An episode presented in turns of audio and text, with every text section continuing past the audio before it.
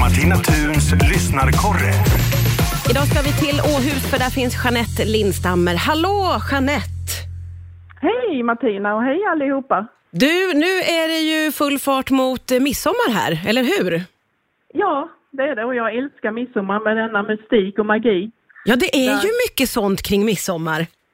Ja, det är lite som att gränsen mellan verklighet och det övernaturliga suddas ut lite grann.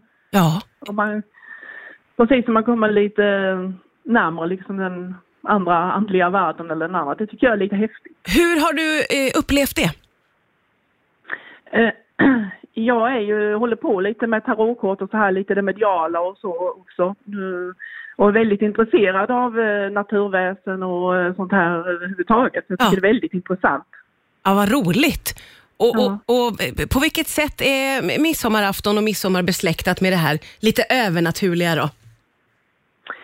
Alltså jag vet inte om det är, det är nog tiden i sig. Alltså det är så, det är ljusa nätter och det är lite dimma på åkrarna. Alltså det är lite, det är lite mystiskt. Alltså, Naturväsen och de andra de finns ju alltid såklart och allt annat. Men Mm. jag tror på midsommar man är kanske lite mer mottaglig och ja, det har nog alltid varit så. Mm. För även längre tillbaka i tiden så eh, plockade man ju blommor och la under huvudkudden. Man skulle drömma om sin tilltänkta. Mm. Och likadant man gjorde en krans till håret för den skulle ge kraft. Sen sparade de det till julbadet och la den där i för de, det skulle då ge hälsa och, och styrka liksom resten av vintern. Oj, jaha, det här kände jag inte till. Ja, så det är nog lite gammalt, det ligger kvar lite det här Mm. kraften och det som är nu vid midsommar överhuvudtaget i naturen och blommor och nyslaget hö och det är mycket, Ja. mycket dofter och mycket sånt också. Ja, men verkligen. Och, och har du någonting som du ägnar dig åt eh, på midsommarafton särskilt, Jeanette? Eh, nej, vi har nog vanligt traditionellt eh, midsommarfirande men eh, jag gillar ju midsommarnätter och så här men Ja. lite, ja, när det är ljus så länge och liksom gärna vara ute eller man stannar till när man kör hem kanske från något. Alltså jag, jag tycker det är jättemysigt. Mm. Ja, det är faktiskt något väldigt, väldigt speciellt. Det är det ju med midsommar. Ja.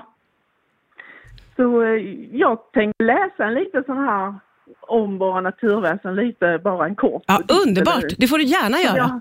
ja.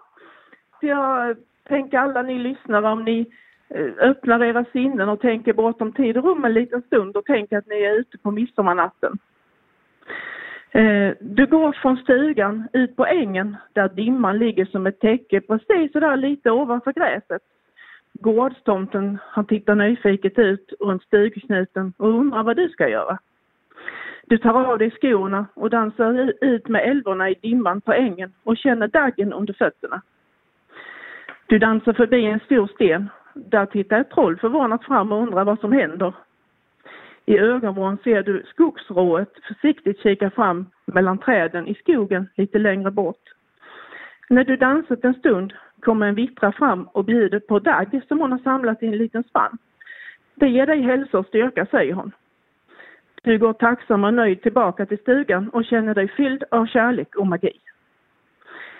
Och med de här orden så vill jag ju önska alla lyssnare och dig Martina en riktig glad midsommar fylld med magi och kärlek Åh, och glädje. Underbart, nu har du verkligen satt tonen. Tack snälla Jeanette för det och jag får önska dig detsamma. Tack så jättemycket för idag.